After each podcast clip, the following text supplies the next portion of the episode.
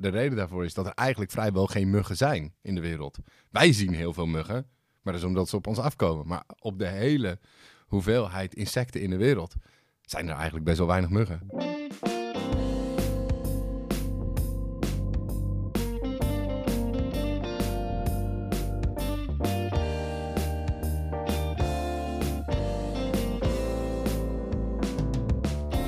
Welkom bij de podcast Wetenschap op je gemak. Een podcast van de faculteit Wiskunde en Natuurwetenschappen van de Universiteit Leiden. Samen met een onderzoeker geven we een gemakkelijk antwoord op jouw prangende wetenschapsvragen. Mijn naam is Inge van Dijk. En ik ben Jordi Jansen. En vandaag beantwoorden wij de vraag: Is er een leven mogelijk zonder muggen?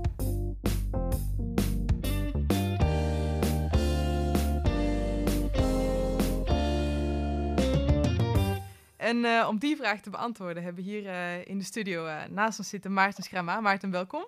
Dankjewel. Maarten is onderzoeker bij het Centrum voor Milieuwetenschappen van de Universiteit Leiden.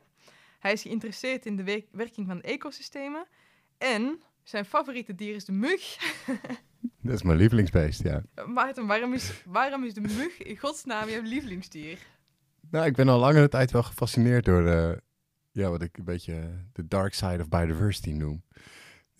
Wij willen, als mens willen we altijd, willen altijd biodiversiteit, maar alle leuke, fluffige vormen van biodiversiteit. En, en, maar ja, als je dan kijkt naar onze acties, zijn we juist vooral heel erg bezig met het promoten van degene die, waar, we juist, ja, waar we juist zelf heel erg veel last van hebben, de dark side. Dus dat, ik vind het een fascinerend organisme. En zoals met alles waar je in duikt, blijkt het ook nog eens heel leuk te zijn. En er zijn ook hele mooie muggen. Maar je vindt ze niet uh, stiekem een beetje irritant? Oh nee, ik wil niet zeggen dat ik ze niet doodsla in mijn slaapkamer. een leven zonder muggen in mijn slaapkamer zou ik toch ook wel prijs stellen, net als de meeste mensen, denk ik. Ja. Maar een leven zonder muggen in het algemeen, dat dan weer niet? Oh nee, nou, wel. Kijk, ik ben niet, uh, ik ben niet uh, pro-muggen of zo. Meer muggen is meer beter of zo. Dat gaat helemaal niet bij mij. Ik denk gewoon dat het, uh, de hoogmoed van alleen al de vraag stellen van... Um, ja, kunnen we zonder muggen leven of zo? Dat is, dat is een beetje. Je moet je even voorstellen van, eh, dat, de, dat er wolven tegen elkaar zouden vragen: zouden wij zonder de mens kunnen leven? Uh, ze proberen een planeet te bedenken waar geen mensen zijn. Nou, dat is prima. Ik kan een wolf een prima een theoretische discussie over hebben. Maar het blijft een beetje bij een theoretische discussie. Dus niet een soort van handelingsperspectief. En dat is bij muggen eigenlijk ook zo. Je kunt er prima een theoretische verhandeling over opzetten. Maar het leidt ook een beetje af van wat je, waar eigenlijk je handelingsruimte zit als mens. En dat is niet bij uh, uitroeiing, helaas. Dat is meer in, uh, ja, dat zit toch meer in co cohabitatie. Ja, jij denkt niet dat het mogelijk is om, uh, om muggen uit te roeien? Nee, ik denk dat alle mensen die dat, dat soort dingen beloven, dat is, ja, dat is net als politici die hele mooie dingen beloven. Dus if it sounds too good to be true, it's too good to be true. Um, en dat is in dit geval ook zo. En, er, en daar wordt ontzettend veel geld mee verdiend. Met mensen, de, de belofte van het kunnen uitroeien van muggen, dat is, een, uh, dat is een wereldwijd een enorm goed businessmodel. Ja, we hoorden daar ook al wat uh, studenten over praten. Um, misschien kunnen we daar even naar luisteren. Ja, ja want uh, hoewel de, de mug jouw favoriete dier is, hoorden we van, van studenten en mensen die hier rondliepen dat dat alles behalve zo is. We gaan even luisteren. Ja. Ik heb een ongelofelijke hekel aan muggen. Als ik een dier uit mocht roeien, dat het muggen zouden zijn ja, niet, niet te beschrijven in woorden hoe kut die beesten zijn. Aan muggen heb ik echt helemaal niks. Uh... Ik vind muggen, muggen ja, een gevaarlijk dier. Ik vind de mug een heel gevaarlijk dier, zei, uh, zei die vrouw in de podcast net. Ja. Kan je ons daar wat meer over vertellen? Nou ja, er worden heel vaak in statistiekjes aangeroepen dat de mug is het gevaarlijkste dier op aarde, maakt de meeste mensen dood. Nou, dat is natuurlijk niet waar, want het zijn helemaal niet muggen die dat doen. Dat zijn de ziektes die ze met zich meebrengen. Um, dus ja, die, die, ziektes zijn inderdaad heel gevaarlijk. En het is inderdaad dat muggen zijn een soort uh, vliegende injectienaalden. Um, het griepvirus maakt ook heel erg veel mensen dood. maar dat, dat komt nooit voor in dat soort statistiekjes. Steek niet op de mug dan, maar op het... op het uh, dus de, mensen vinden dat, uh, ja, dat is heerlijk om, je, om, om, je, om ergens echt een grafhekel aan te kunnen hebben. Dat is ook, ja, dat is ook wel iets, het is mooi en verbindend. Um, maar het mooie is dat ik denk dat vrijwel geen één van die mensen zich realiseert dat alle muggen waar ze rekening, waar ze last van hebben, dat die waarschijnlijk door de buren of door de buren van de buren worden gekweekt. Ja, want ze blijven dus in een omgeving dan. Uh... Ja, ze vliegen niet zo ver. De meeste muggen vliegen 100 meter in hun leven of 200 of zo. Ik weet niet. Dus, dus de muggen zijn een, echt een extreem lokaal fenomeen. Hè, het is natuurlijk wel zo dat dingen naar het noorden verspreiden. En dat, dus we krijgen allerlei andere soorten. Het gaat ook niet zo snel. Het gaat wel snel omdat heel veel muggen ook met auto's meereizen. Maar als, je, als de muggen zelf zouden moeten verspreiden, dan gaat het allemaal niet zo vreselijk snel. Dus wij zijn eigenlijk de grootste bron van verspreiding van muggen. Door emmertjes buiten te zetten, regentonnen. En iedereen, oh ja, we moeten water vasthouden in de stad. Zet een regenton neer. Supergoeie broedplek voor muggen. Ehm, hè, dus we zijn aan alle kanten heel erg bezig om onze omgeving zo mugvrij vriendelijk in te richten. Zo, mu- zo mugvriendelijk. Ja, ja. zo, zo, we zijn bezig met onze omgeving zo mugvriendelijk mogelijk in te richten. En vervolgens hebben we een heel enorme hekel aan die muggen. Dat is heel grappig. Dus gewoon dat je geen idee hebt wat je zelf aan het doen bent. Nou, dat is het denk ik. Dat mensen inderdaad niet doorhebben dat het dan een beetje hun eigen schuld is misschien. Ja, dat het, dat, het- ja, ja of, of, of die van je buren of van je buren. En ik neem aan dat de meeste mensen die in het filmpje hoorden, dat klonk niet alsof dat nou een doorsnee groep huisbezitters was met een enorme diepe tuin in Leiden. Nee, nee, dat is allemaal niet. Nee, nee. nee, nee. Dus- maar de mensen met die diepe tuinen, die hebben vaak wel een, eh, ja, wel eens her en der een emmertje staan. Zou het ook voordelig kunnen zijn eh, dat we juist die muggen stimuleren eigenlijk hier in de stad? Nou, daar heb ik ook wel eens over nagedacht, maar we hebben net een hele analyse gedaan op allemaal vleermuispoepies. Om te kijken hoeveel muggen daar nou echt in zitten. Vle- Vleermuizen worden gezien als een van de beste muggenvangers. En dan blijkt dat eigenlijk dat er vrijwel geen muggen in vleermuizen zitten. En de reden daarvoor is dat er eigenlijk vrijwel geen muggen zijn in de wereld. Wij zien heel veel muggen, maar dat is omdat ze op ons afkomen. Maar op de hele hoeveelheid insecten in de wereld zijn er eigenlijk best wel weinig muggen. Dus een hele belangrijke rol hebben ze helaas niet. Eh, dus dat is geen argument voor, eh, of tegen nee, het nee, uitroeien nee, nee, ik denk, ik ben, ik wil, ik, ik- maar, maar, maar je moet het even nog omdraaien. En ik ga nu even terug naar de wolf. Dus wij willen dan de hele tijd dat die mug van nut is. Eh, voor ons. Maar waarom willen we dat een dier voor ons belangrijk is? Moet, moet alles in de wereld altijd alleen maar belangrijk zijn voor de mens? Moet iedere graspriet verantwoording afleggen aan ons dat hij mag bestaan? En anders roeien we hem uit? Dat is toch ergens een beetje raar. Ja, dat klinkt wel heel gek, ja. Maar in het, in het ecosysteem, dan heeft, kunnen we zeggen dat de mug daar wel een nut heeft? Nou ja, hij is, het is een pioniersoort. Hij, hij koloniseert nieuwe, ehm, eh, nieuwe plekken die ontstaan. Als er ergens iemand een emmertje neerzet en er stond water in, dan is de mug de eerste die die emmer vindt. En, en die, ja, die begint daar dan een beetje eh, bacteriën te eten en zo. Dus dat is de functie die die heeft. En dat heeft hij onder natuurlijke omstandigheden ook. Als een rivier buiten zijn oevers treedt, dan kan natuurlijk dat er allemaal poeltjes ontstaan. En daar komen de muggen dan als eerste aan en eh, beginnen dan vervolgens eh, zich eh, als een razende voort te planten. En eh produceren natuurlijk allemaal insecten. Voor een deel is dat vogelvoer of vleermuisvoer. Dus ze hebben wel ja, een soort functie in ecosystemen. Maar ik zou niet zeggen dat het nou heel erg, heel erg belangrijk is of zo. Daar geloof ik helemaal niks van. Het is niet aan ons om, om per se daar een beslissing in te maken. Ja, het is een beetje alsof je Petrus aan de hemelpoort bent en zegt van nou, jullie mogen door naar de hemel, want jullie zijn goed geweest in je leven. En jullie, nee, jullie moeten naar de hel. Ja. En jullie zijn slecht. Dus de Ja. muggen zijn slecht, die moeten naar de hel. Zo beslist, beslist Petrus en wij dan dus. Ja, een beetje raar. arrogant van ons eigenlijk. eh. Dus ja, ja Maar, of eh, hoogmoed, maar ik denk dat we ons niet eens realiseren dat het arrogant is.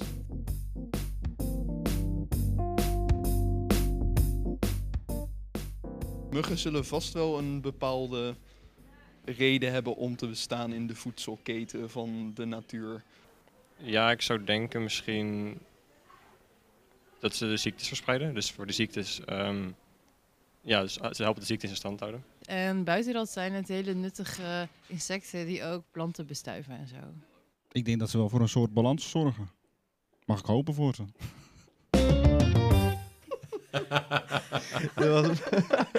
Nou, die balans vind ik mooi, hè? Want dat is, als je dan denkt, over wat voor soort balans zo- zorgen muggen voor? En eigenlijk wat voor soort balans zorgen ziektes voor in het algemeen? Ziektes gaan eigenlijk, ehm, in ecosystemen zijn ziektes heel stabiliserend, omdat de meest dominante soort wordt eigenlijk altijd onderdrukt door ziektes. In dit geval de mens. dus in het ecosysteem hebben de muggen in principe de rol van ons onderdrukken.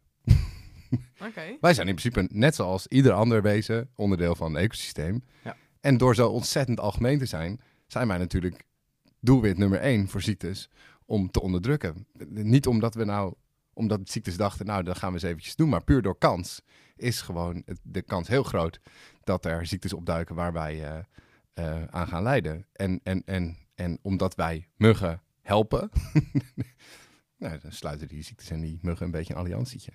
En helpen, dat bedoel je dus dat we die poeltjes creëren waar die muggen zich kunnen... Ja, en omdat we ze op enorme schaal vers- verspreiden over de planeet. Dus de meest ellendige. Er is een mooi artikel in, Engel, in, in Spanje geschreven. En dat, dat, eh, in Barcelona hebben ze allemaal auto's leeggestofzuigd.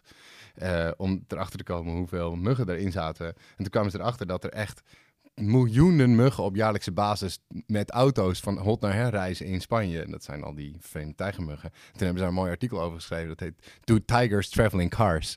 Want het, het ging over de Japanse tijgermug. En het antwoord was inderdaad, ja, they, they, they, they much rather take a car. Eh, dus dat, is, ja, dat zijn allerlei manieren hoe wij muggen een beetje, ja, een beetje assisteren. Maar je hoorde dus ook in, eh, in de Volkspop van ze zorgen voor een balans, maar ook ze hebben een nut in het ecosysteem. Ja, ze doen ook wel aan bestuiving. Dat klopt wel. Dat heb ik net, eh, daar ging ik een beetje lichtjes overheen. Dus er komt steeds meer werk beschikbaar. Dat laat zien dat eh, muggen elke dag eigenlijk wel een suikermaal nodig hebben. En dus elke dag gaan ze een beetje van bloem naar bloem om wat suiker binnen te harken. En daarmee doen ze ook wel aan bestuiving. Maar omdat ik denk dat muggen eigenlijk dus niet zo algemeen zijn, zijn ze daarmee dus ook niet zo heel belangrijk. Eh, dus ze doen, ja, ze wel degelijk iets. Maar ze doen dus vooral iets met onze rol in het ecosysteem. En wat die ene student zei ehm, over dat ze eigenlijk voor ziektes juist wel eh, een nut hebben. Ook al wil- hoeft het niet per se een nut te hebben natuurlijk. Maar eigenlijk eh, vanuit de, de ziektesperspectief zijn ze dus wel heel erg belangrijk eigenlijk. Ja, maar willen we, dat- is dat iets wat we moeten willen? Dat we ziektes blijven verspreiden? Dat is, Ja, nee, dat is het wel waar. Willen we, willen we biodiversiteit van, willen we zo hoog mogelijk biodiversiteit van ziektes?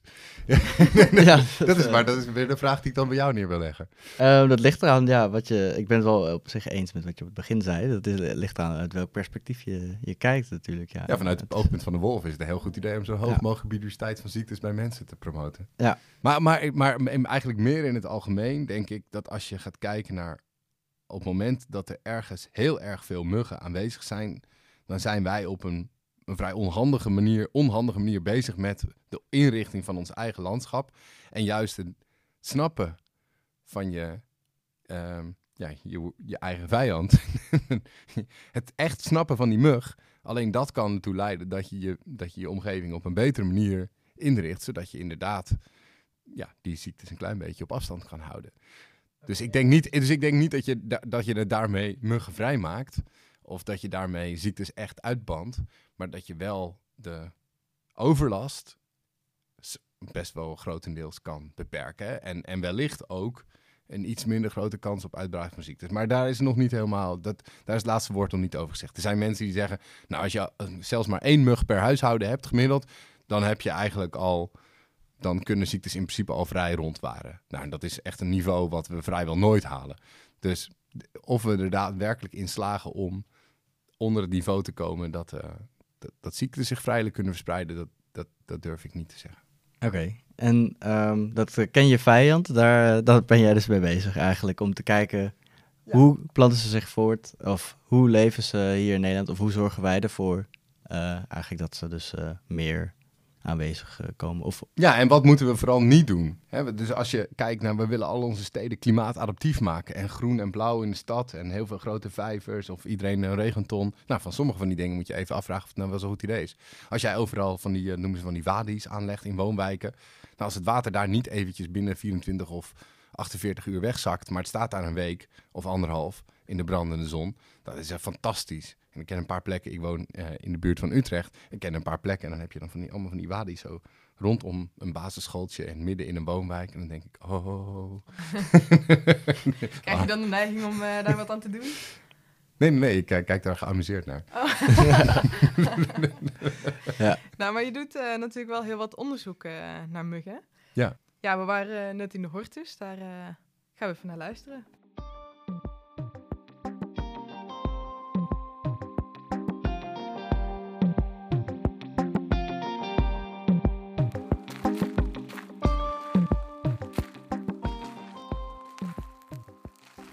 Nou, we zijn hier in de Hortus in Leiden en eh, we zijn met Maarten Schamma. Ehm, kan je eens vertellen waar we he- heen gaan?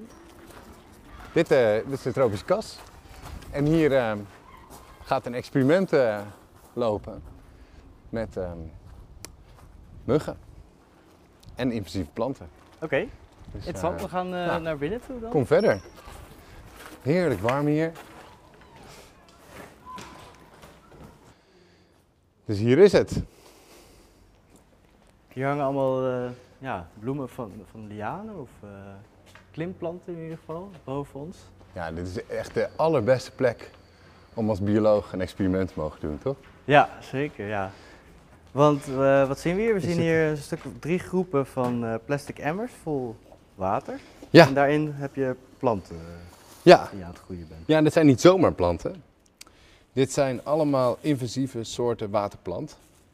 Die in allerlei delen van de wereld ehm, eh, invasief zijn. Kijk, die, die planten hebben dus die hebben dus een enorm wortelsysteem. En, en ze, zijn, ze, zijn, ze zijn zo ontzettend invasief omdat ze, het maakt niet uit hoeveel voeding je ze geeft. Ze zijn, ze, oh, nog meer mest. Blijf maar groeien. dus als echt alle andere planten het al lang opgegeven hebben, Ja. dan hebben zij een fantastische tijd. En, eh, en het is nog niet klaar, want er missen natuurlijk nog twee cruciale elementen bij dit experiment.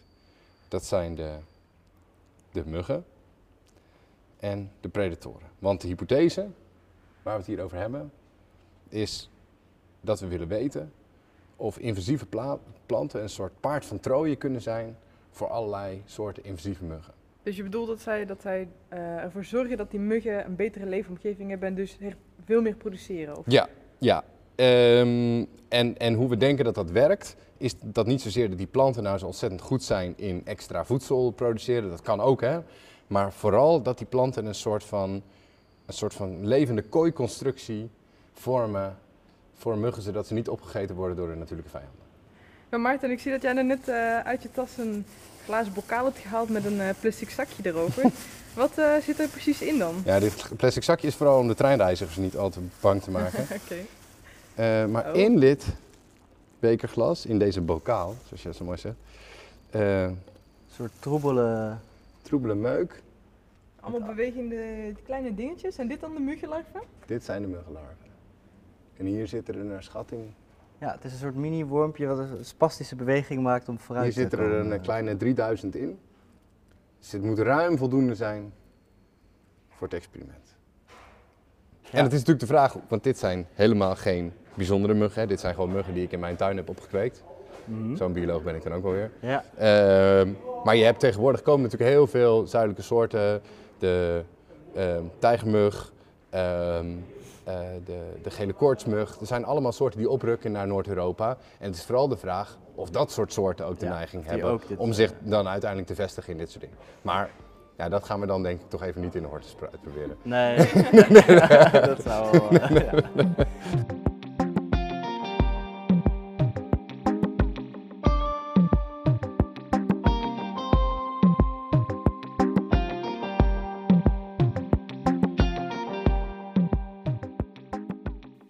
Ja, en dat is natuurlijk niet het enige onderzoek dat jij doet eh, met muggen. Eh, eerder heb jij een, eh, ja, op de NOS gevraagd dat mensen foto's zouden sturen van hun platgeslagen muggen. En dan kon jij daar wat van vertellen. Zo, Wat, Ja, dat is, dat is samen met, met de Wageningen Universiteit hebben we een, een, een, een call gedaan via het platform Muggenradar. Dat mensen inderdaad niet alleen een foto van een platgeslagen mug, maar ook de platgeslagen mug zelf even opsturen. Oh, dat ook. Ja, en die zijn dus, en die worden as we speak onderzocht op, eh, ehm, op, op wat voor virussen er voorkomen in de muggen die eh, in- opgestuurd zijn. Ik heb daar niet, ik, ik denk dat je er niet zo heel veel gaat vinden, want de kans is extreem klein dat je dat soort dingen vindt. Maar dat was wel opmerkelijk. Die, die call heeft niet alleen ervoor gezorgd dat er heel erg veel mensen, werkelijk duizenden en duizenden en duizenden mensen, inderdaad hun mug opgestuurd Oh, hebben. Maar ook dat de websites van uh, en Mosquito Alert dagenlang uit de lucht waren omdat de servers overbelast waren. Oh nee. omdat ne- ne- Nederlanders meer dan in welk ander land dan ook geneigd zijn om aan dit soort dingen mee te doen. Dus dat was wel, eh, dat was, ja, dat, dat was wel een eh, extreem succesvolle actie. En die heeft vervolgens ook heel erg veel werk opgeleverd. Dus we zijn nu een beetje aan het denken hoe we al die energie in Nederland kunnen, iets beter kunnen kanaliseren. Eh, Ergens staat nu, staat nu een stapel Tupperware bakjes met muggen erin? Of hoe, eh, hoe ziet Heel erg veel dozen staan er in de vriezers. eh, ja, ja, nee, dus de, ja. Het- het- en dat is ongelooflijk. En dat geeft een heel mooi beeld eigenlijk van wat er in mensen hun huizen gebeurt. Want als je, je kunt als onderzoeker natuurlijk overal wel proberen te komen. In allerlei natuurgebieden en in slootjes en in de hortus. En je kunt het overal komen, maar niet in mensen in tuinen. En niet in mensen in huis. Terwijl daar wel de actie zit. Ja, als je nu zou moeten zeggen, wat heeft dat onderzoek of die oproep jou nu eigenlijk opgeleverd dan, eh, ja, aan kennis? Maar je ziet een, een aantal dingen gebeuren. Je ziet ten eerste dat in Nederland de winter langzaamaan aan het verdwijnen is. Hè. Vroeger gingen alle muggen een aantal maanden in winterslaap. En nu is de grote vraag, wanneer stoppen ze met in winterslaap gaan? En die oproep liet al zien dat er heel veel muggen de hele winter eigenlijk actief zijn in mensen hun huis. En normaal is het zo dat die generatie die de, in de winter overwintert, in diapauze gaat noemen we dat, die eh, heeft geen virus bij zich, want die heeft niet bloed gebeten. En omdat het gewoon een vliegende injectienaald is, als, je, als een mug geen bloed heeft ge- ge- genoten in zijn vorige leven, dan eh, ehm, heeft hij ook geen virus bij zich. Dus die beesten die de hele winter gewoon in een kelder of waar dan ook hangen, in de kou, die ze hebben geen virus bij zich. Dus dat onderbreekt die viruscyclus. Maar op het moment dat je dus muggen hebt die het hele jaar door actief zijn, dan kunnen eigenlijk veel meer virussen die niet het trucje hebben van hoe kom je die winter eigenlijk door, die kunnen ook voet aan de grond krijgen. En dit heeft ons geleerd dat, dat we eigenlijk dat al een veel groter deel van die populatie de hele winter actief is. Dus we zijn, ja, we zijn niet per se banger, maar we denken wel dat het moment naderbij is dat, dat, dat, dat een groter deel van die populatie niet meer in winterslaap gaat. Dus klimaatverandering heeft er ook weer veel mee te maken. Ja, ja dat, is, dat is wel een van de, een van de, ja, een van de dingen waar we heel erg eh, ons wel behoorlijk wat zorgen om maken. Ja. en dat gaat vooral hierover. Hè, want ik denk niet dat een klein beetje hogere temperaturen, dat is eh, vervelend en misschien dat virussen net iets langer en iets, hè, maar, maar vooral als dit soort grote veranderingen plaatsvinden, dan ga je naar een nieuw, dan ga je echt naar een nieuwe staat. En dan, ja, dan, zou, dan weten we niet precies wat er gaat gebeuren. En eh, nog een vraagje over de klimaatverandering. Want we horen steeds meer tropische muggen die ook onze kant op komen. Komt dat ook hierdoor, door de klimaatverandering, dat het hier steeds warmer is? Dat wordt wel heel vaak gezegd. En de kans dat ze, dat ze de winter niet overleven, dat heeft heel erg te maken met wel klimaatverandering. Dus als er, als er heel lang ijs ligt, dat is heel vervelend voor heel veel muggen. Want die, dan zitten hun adembuisjes in het ijs, hè, zomaar zeggen. Ehm, maar de, de reden dat ze hier komen, is gewoon van onze, vanwege onze ongebreidelde transportneiging. Gewoon het feit dat we als een idioot allerlei zooi over de planeet verschepen. En in die zooi zit gewoon ook heel vaak wat eitjes en wat larven. Dat is veel belangrijke reden. Dat is eigenlijk, dat zag je met corona ook al heel duidelijk. Als corona uitgebroken was duizend jaar geleden, was het misschien wel, had het misschien wel honderd jaar geduurd voordat het van de ene kant van het continent naar de andere kant zou gaan. Dat gaat nu dus allemaal heel erg veel sneller. Dus klimaatverandering speelt wel een rol, maar, maar onze neiging van, eh, eh, om, om zoveel te vliegen en zoveel te reizen, dat, dat, dat is Ja. echt een... eh, Dus voor de mug maakt die ene paar, eh, die paar graden meer of minder eh, niet per se uit. Nee. Eh, En dat maakt het dus ook vrijwel onmogelijk om nog dingen uit te roeien. Want zelfs op een eiland, daar gaan zoveel mensen naartoe iedere Ja. keer. Ehm, en die brengen ook weer muggen met zich mee. Dus ja, dat, omdat wij de wereld zoveel meer met elkaar verbonden hebben, dat is natuurlijk heel goed voor onze eigen sociale leven. Maar het is ook heel goed voor het sociale leven van muggen. Het is eh, een beetje onze eigen schuld dan. ja, dat is toch wel weer. Komt vaak op dat neer eigenlijk. Ja. nou, eh, Maarten, heel erg bedankt om hier eh, vandaag te zijn. Ik denk dat we heel veel hebben bijgeleerd over muggen. Heel veel dingen ja, die, ik, ja, die ik helemaal niet wist. Dus, eh, bedankt daarvoor om hier te zijn vandaag. Heel graag gedaan. Ja, dankjewel. Ja, en dank jullie wel. Ik, eh, nou, ik, eh, ik, ik hoop dat ik jullie een nieuw eh, lievelingsdier heb aangepraat. Nou, Ja. Ja, ik mag dat niet- misschien net niet, denk ik.